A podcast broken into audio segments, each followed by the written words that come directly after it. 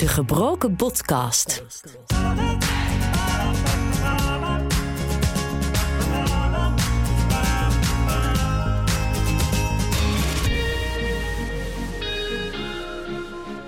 Welkom en leuk dat je luistert naar aflevering 3 van De Gebroken Podcast. Ik ben Michael en in deze podcast neem ik je mee in mijn revalidatieproces. Met vandaag. Ik heb mijn rechtervoet nu wel op de grond staan, maar ik moet wel zeggen dat ik, dat ik eigenlijk amper op steun. Ik heb echt een beetje het gevoel van als ik er nu volop ga leunen, dan zag ik er vol doorheen. Nou ja, ik zie een enkel, ja, met, natuurlijk met littekenen aan de binnen- en aan de buitenkant. Maar ik vind het er echt heel goed uitzien. Het is het meest spectaculaire kenmerk, maar het zit door je hele lijf. Dus je kunt. Het, het is bij de ene mens ook heel anders dan bij de andere. Dus niet iedereen heeft het meeste last van de botten. Maar dat is wel wat het meeste opvalt. Zeven weken geleden heb ik mijn beide been gebroken. Daarom verblijf ik nu in revalidatiecentrum De Hoogstraat in Utrecht. Om zo weer letterlijk op de been te komen. Deze week duik ik wat dieper in de wereld van mijn beperking, osteogenesis imperfecta. En er is veel nieuws.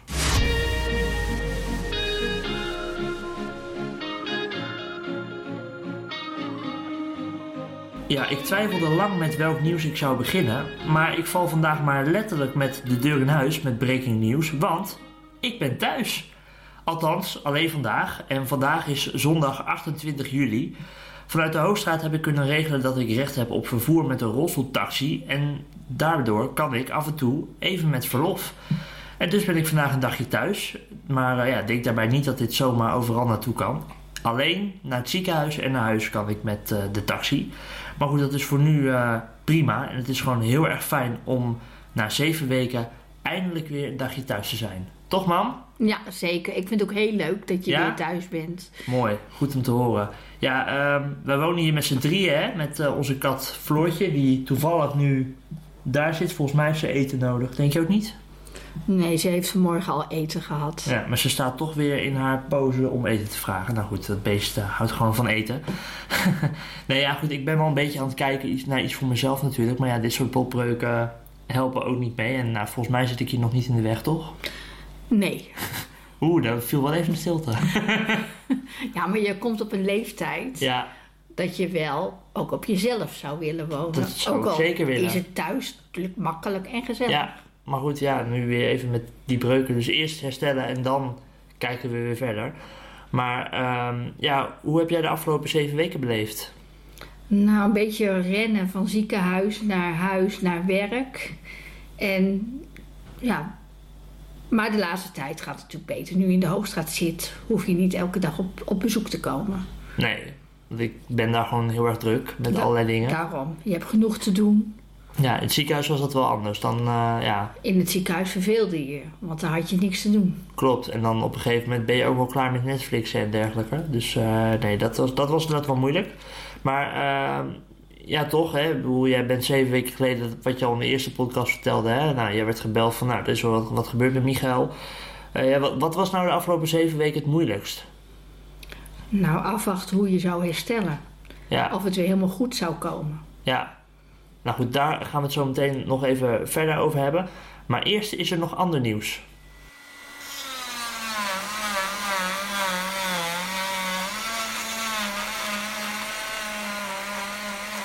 Afgelopen donderdag was ik weer even in het AMC ziekenhuis in Amsterdam voor controle. En daar is met deze zaag het gips van mijn benen verwijderd. En de resultaten zijn goed. Zowel in mijn knie als enkel is alles goed aangegroeid. En dat betekent dat ik in feite weer alles mag doen met mijn benen. Maar uiteraard moet ik dat wel gedoseerd opbouwen. Voor de zekerheid heb ik om mijn linkerknie een spalk die ik kan begrenzen. Zo kan ik mijn knie nu niet verder buigen dan 60 graden.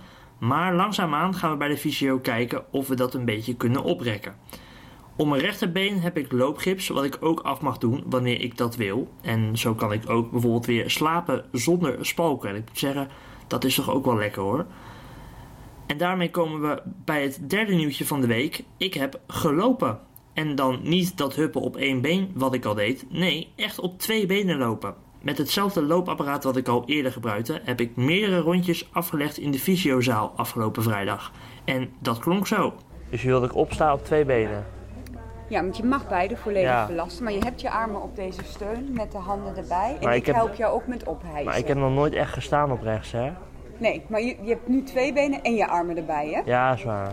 Dus je mag, mag alle vier de Maar ik extremiteiten denk, gebruiken. ik denk wel dat ik, dat ik nog wel meer op links ga automatisch. Ja, maar weet je, je probeert gewoon wat je kan. Ja. Daar gaat het om. Ik wil niet dat je nu opeens alleen op rechts gaat staan. Nee. Maar gebruik hem een klein beetje. Ja. Zet hem al wat in wat je net daarvoor nog niet hebt gedaan. hè? Ja, Oké, dus we gaan samen omhoog. Maar ja. je gebruikt ook een beetje je rechterbeen. Kijk hoor. Je even wat sneller, niet zo lang moet hangen. Ik heb mijn rechtervoet nu wel op de grond staan, maar ik moet wel zeggen dat ik, dat ik eigenlijk amper op steun. Ja, nou, we gaan nu heel even echt alleen maar staan. Staat hij goed qua hoogte? Ja, ik kan nog iets hoger? Ja, zo ja. En probeer maar nu op beide benen echt te gaan staan. Dus echt eh, weer durven. Want je staat nooit 100% erop. Ten eerste heb je je armen erbij. Ja. En ten tweede heb je je linkerbeen erbij. Ja, ik sta nu ook nog steeds meer op links. Ja. Zet je benen eens ietsjes uit elkaar. Ze staan heel dicht bij elkaar.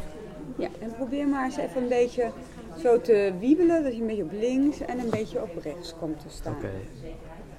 Het voelt echt aan alsof ik...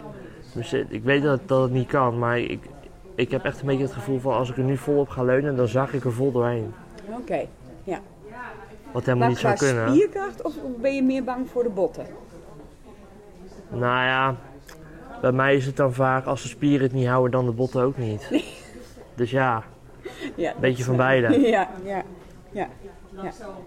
Maar dokters hebben gezegd, het zit goed in elkaar. Ja, Ze zouden jou echt niet laten belasten als het niet zo zou zijn. nee, Dus daar, daar mag je echt wel op vertrouwen. Dus zijn, dokters zijn eigenlijk eerder voorzichtig ja. dan dat ze weer te snel deze willen. dokter niet. Die, die zei van je mag voor mij ook gewoon al zonder spalken verder. Ja. Toen, had, zei, had ik Ja, wel zoiets hij van. eigenlijk al heel vertrouwen heeft dat het kan botbreuken en zo goed is. Ja, Maar hij snapt jou wel en jouw situatie. Dus- En je hebt het natuurlijk duidelijk gemaakt.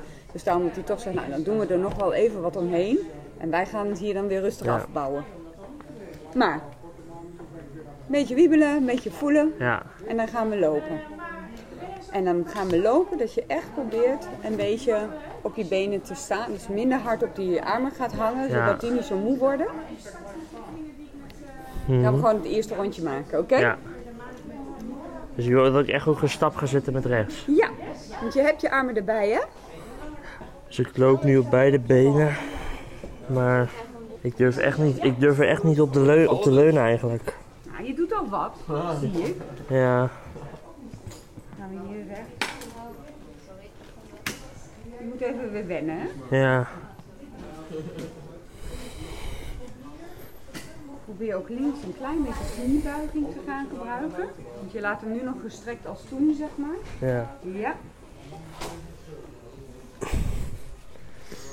En dat, en dat in die bloedhitte, die voel je hier ook. Ja, intussen wordt het zelfs hier warmer, hè? Klein beetje kracht van je armen af te halen en je benen. Ja, het wordt ook steeds moeilijker dat lopen. Ja, we zijn er bijna, hè? Zo, hè, hè.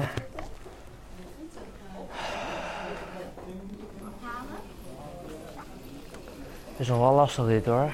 En wat vind je het lastigste daaraan? Ja, gewoon, gewoon het, eh, het, eh, ja, het kost wel veel kracht. Maar ook gewoon het, eh, eh, het moeten leunen op je rechterbeen, wat je eigenlijk nog helemaal niet durft. Het vertrouwen erin dat je Ja. dat weer kan. Niet per se de kracht die je nu hebt in je rechterbeen, Ja. maar gewoon het vertrouwen van hé, hey, dat been kan het hebben. Ja, Ja. Nou ja, daarom dat we ook deze nog gebruiken. Daar heb je, zoals het nodig is, heel veel steun aan. ja. Maar je kan ook iets minder erop steunen.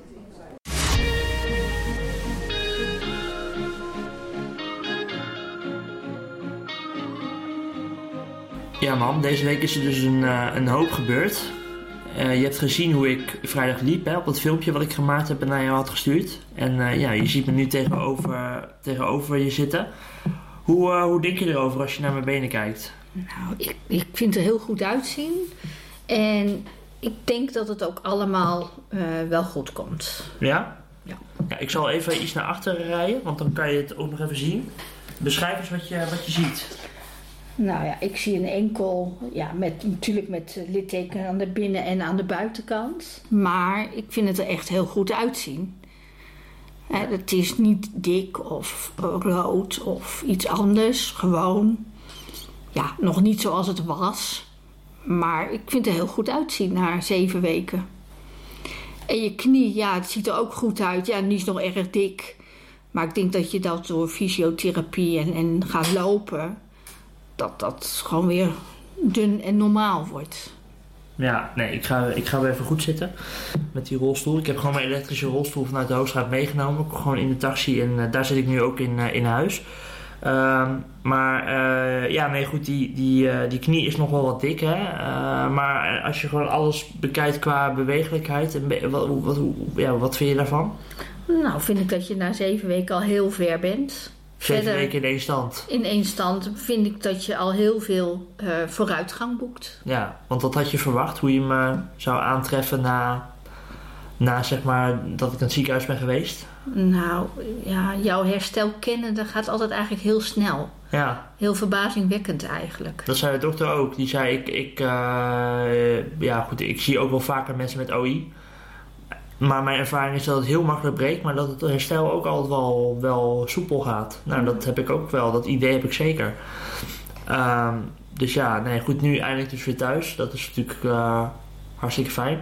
Wat heb je allemaal in het huis moeten doen om mij hier eh, te kunnen ontvangen? Nou ja, ik moest de gang ontruimen, want Ja. eh, anders kan Michael er niet met zijn rolstoel in. Ja, Ehm, ja, in de huiskamer natuurlijk een stoel moeten verschuiven, maar voor de rest valt het wel mee. ja ik, ik dacht dat je wel meer moest doen, maar het valt wel mee eigenlijk. Nou, het valt wel mee, alleen de gang moest ontruimd worden. Ja, Daar moest een kastje uit. maar ja, dat was het. Dat was het. Dat was het eigenlijk. En de kat, de voer moest even weg. Ja, ik heb ervoor gezorgd dat die kat nu ergens anders moet eten. Ja, Inderdaad. Nee, en ehm, ja, vanaf nu is het dus dat ik eigenlijk elke week naar huis ga. hè. Elk weekend een dagje. Ben je er blij mee? ja, heel gezellig. Beter dan... Kijk, de Hoogstraat is niks mis mee, maar thuis niks fijner dan Er thuis. gaat niets boven thuis. Nee. Ja, want eh, als, je, als we nu kijken naar de eerste weken van de revalidatie. Hè? Ik zit nu drie weken in de Hoogstraat. Hoe vind je het gaan? Ja, super. Kijk, je krijgt er alle therapieën die je nodig hebt.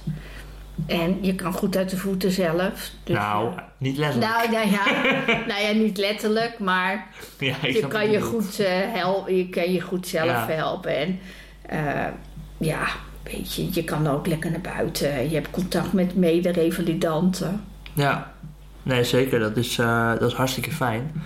En eh, ja, ik ben eigenlijk ook gewoon wel heel blij hoe het, eh, hoe het gaat. En ja, wat ik eigenlijk ook vorige week in de podcast al zei, denk gewoon dat ik goed op weg ben. En, maar het gaat voor mijn gevoel ook wel heel snel. Ik had niet verwacht dat ik inderdaad na, na uit het gips komen, dat je dan ook gelijk weer, ook gelijk weer kunt, kunt, een beetje kunt lopen bij de fysio. En dat, eh, dat met het bewegen al zo goed gaat. En dan nu ook wel weer thuis. Het gaat opeens allemaal in de stroomversnelling lijkt het wel. Maar ja, dat, je moet ook vooruit. Ja, moet ook. Stilstand is achteruitgang. Ja, maar het, het, het, ik verba- het verbaast me iedere keer weer dat als je dan in het gips zit, dan gebeurt er eigenlijk wekenlang niks. En dan ga je eruit en dan opeens woem, gaat het weer. Terwijl je, terwijl je, je bent dan toch dat rustige tempo gewend als het ware. Ja. Ik bedoel, het is hartstikke fijn. Maar ik sta er elke keer weer versteld van. Dat ik denk van, nee, maar dat, dat kan toch, ik kan toch niet nu al lopen. Hè? Wat ik ook bij de fysio deze week ondervond van, gaan we nu al lopen? Maar nou, dat kan toch helemaal niet. Ja, maar de dokter zei dat dat mag. Ja, klopt, maar dat gaan we toch nog niet doen. Ja. Dat is wel waar, waar ik dan vaak een beetje tegen, ja, tegenaan loop eigenlijk. Maar het gaat eigenlijk best, eh, ja, ik ben er gewoon tevreden over ook. Ik ook. Ja, en wat gaan we nu eh, vanmiddag doen eigenlijk hier? Nou, volgens mij komen er strakjes vrienden. Ja, En eh, ga je Formule 1 eh, kijken. Ja, jij ook. mij. En volgens mij is er ook nog iets van een voetbalwedstrijd. En ja mij is er- vriendschappelijke wedstrijd van Feyenoord, ja, is En er er ook. is ook nog iets van een Tour de France vanavond. Ja, dus we gaan gewoon lekker een sportdagje van maken, sport kijken. En eh, ja, benieuwd wat Max Verstappen kan vanaf eh, de tweede plek eh, op Hockenheim. En of het gaat regenen of niet. Ja. Ja, dus we gaan er een, gezellige middag van maken. Zeker.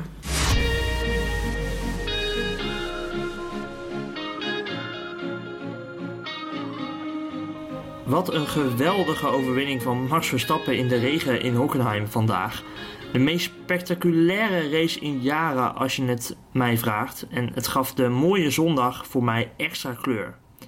Dan, zoals ik in eerdere afleveringen al verteld heb, ik heb osteogenesis imperfecta, oftewel OI.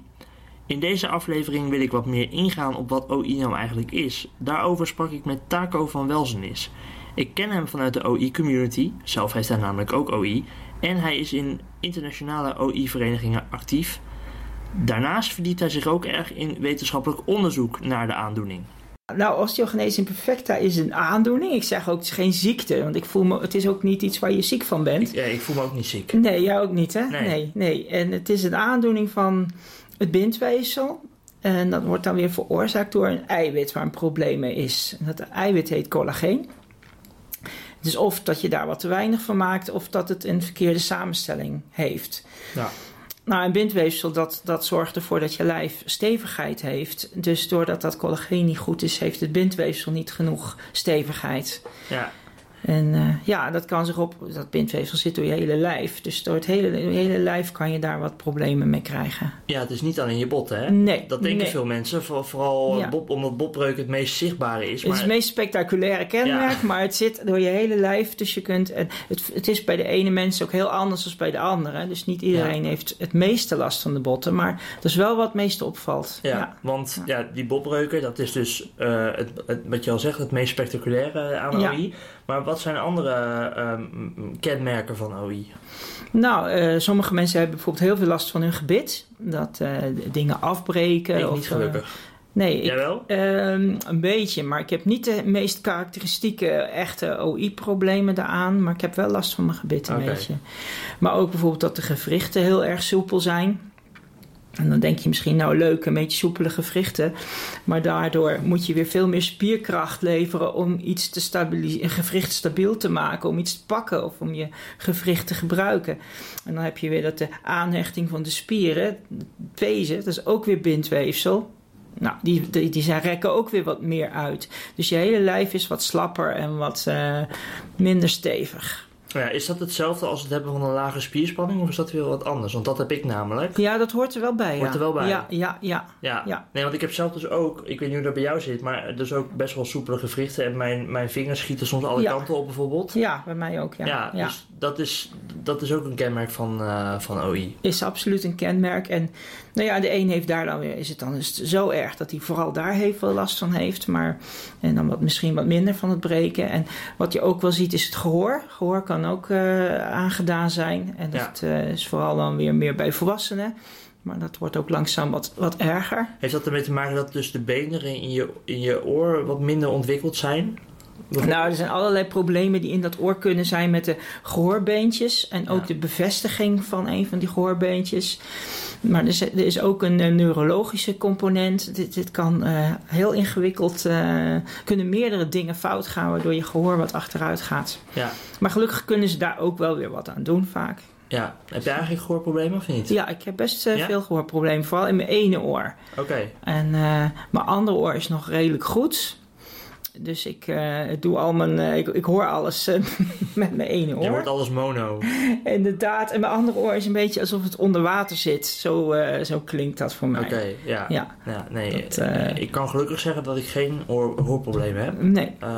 Dat zou met mijn werk voor de radio ook wel problematisch zijn eigenlijk. Ja. OI is niet te genezen, hè? Wij, wij hebben Mhm. het en wij, wij gaan er ook mee onze kist in, om het even zo te zeggen. Mhm. Op een gegeven moment. Ehm, ja, maar hoe staat het ervoor in de wetenschap? Want daar, daar, daar duik jij af en toe wel een beetje in, hè? Ja, daar heb ik veel interesse in. Ik heb zelf ook biologie gedaan en eh, me al jaren daar een beetje mee bezig gehouden. Maar er zijn veel ontwikkelingen, want de laatste jaren wordt er ook veel onderzoek gedaan naar medicijnen.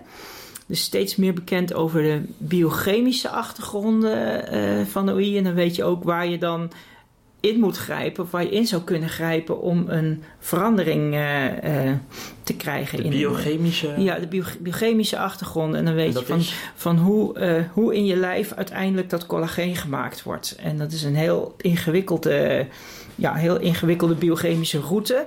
Waarvan alles mis kan gaan. Maar nou ja, bij sommige mensen met OI zie je dus van dat daar gaat wat mis. Of daar kan je iets stimuleren waardoor er wat meer collageen komt. En daar ja, zijn dus verschillende mogelijkheden om in te grijpen. Ja. En er zijn dus wel bepaalde medicijnen hè, die het een beetje moeten remmen. Uh, hoe, ja, hoe nou, er zijn ook medicijnen die zeg maar vooral ook uit de osteoporose hoek komen.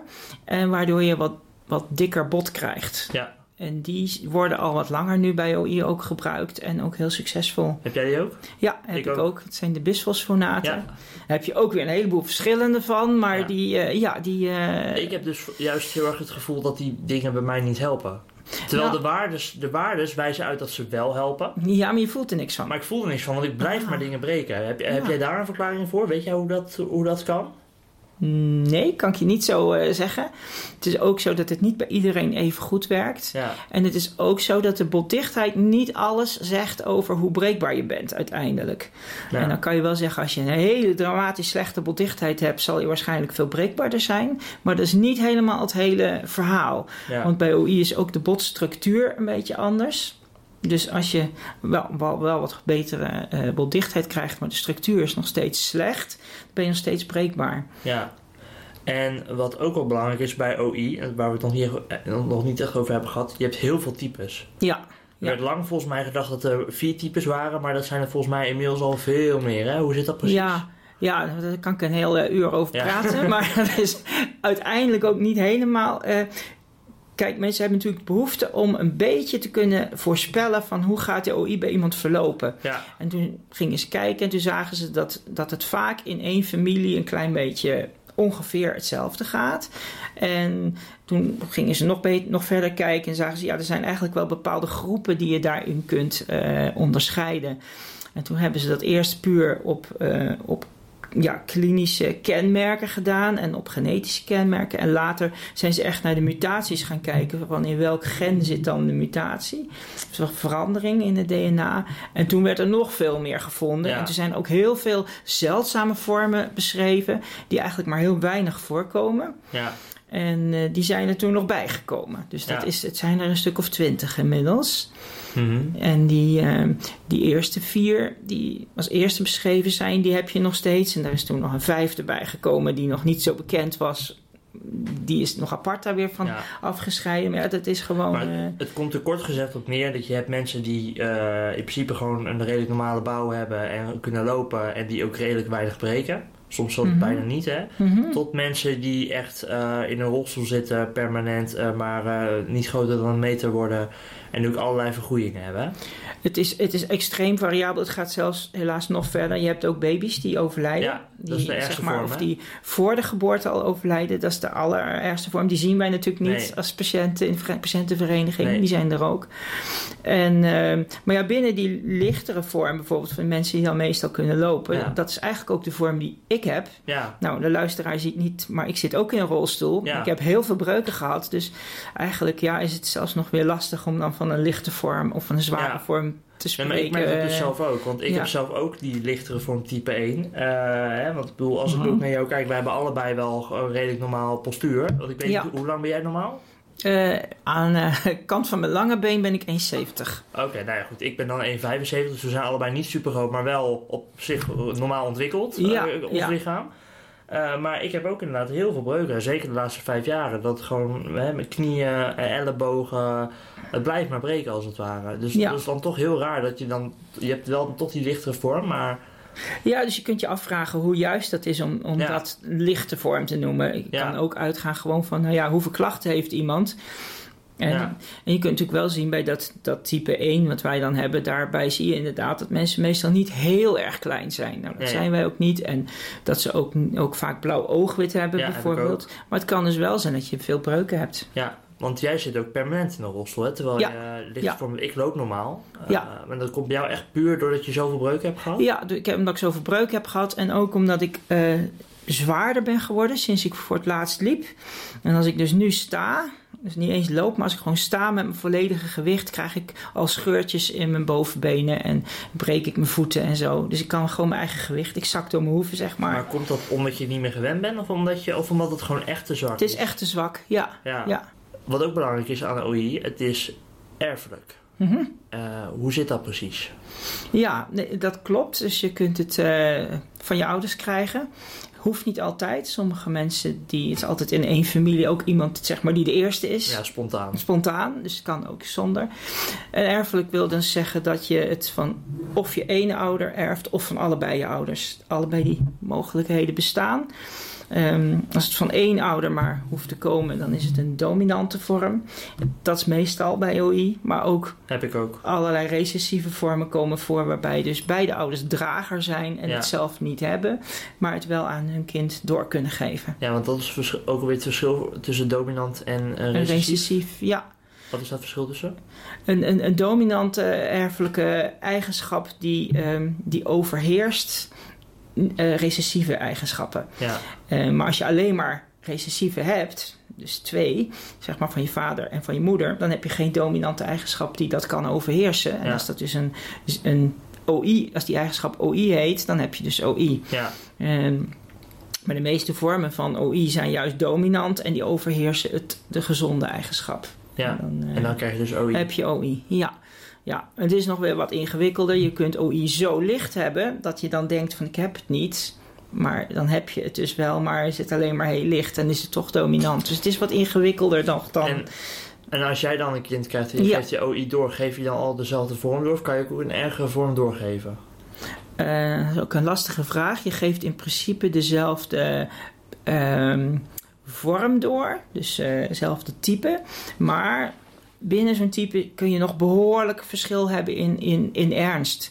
Dus je kunt een licht type 1 hebben of een zwaar type 1. Nou is type 1 veel lichter dan type 2. Ja, Maar een zwaar type 1 is wel iets heel anders dan een licht type 1. Dus Ja. in die zin kan het nog behoorlijk ik verschillen, ook mijn- tussen ouders en kinderen. ik weet namelijk, mijn moeder heeft namelijk het, dominant, het, dominante gen overgedragen op mij. Ja, Maar mijn moeder heeft in haar hele leven maar één keer wat gebroken. Die heeft 30 jaar een waterpolo gedaan, maar dat moeten wij absoluut niet proberen. Nee, nee, nou ja, soortgelijk verhaal bij mij. Eh, mijn vader had het vrijwel zeker en die heeft drie breuken gehad. En die Ja. heeft tot zijn 78ste heeft hij gevolleybald. Dus ja, eh, die was geen patiënt. Die was geen patiënt, zo kan je het wel Nee, zeggen. Mijn moeder dus ook niet. En dan Nee. heeft wel wat, wat last van gewrichten, maar dat is Mhm. eigenlijk het enige. En ja, goed, en dan Ja. hebben wij allebei dat dus gekregen, maar komt het er toch veel zwaarder uit. Ja, ja. Maar wij zouden net zo goed ook weer een kind kunnen krijgen die het weer heel licht heeft. Ja, Dat kan dus ook, ja. Ja. En het is juist heel interessant om voor de wetenschap je af te vragen... waar, zit dan, waar komt dat door, hè, die verschillen? Want er moeten dus naast die erfelijke factor... ook nog andere dingen zijn die zorgen dat het licht of zwaar tot uiting komt. Ja. En misschien kan je daar nog eh, medicijnen op ontwikkelen. Of, eh, dat is een heel, hele belangrijke vraag voor het onderzoek. ja. Dus eh, nog een lange weg te gaan voordat we genezingen hebben. Dat denk ik wel, ja. Als dat er al van komt. Want het is natuurlijk heel... Ja, het is niet zo'n makkelijke ziekte... omdat het ook bij iedereen een andere genetische achtergrond heeft bijna. Elke familie heeft bijna zijn eigen Vorm. genetische foutje. En dat, dat uitzicht dan verschillend. En ja, het is niet zo'n iets waar je makkelijk even wat eh, op verzint.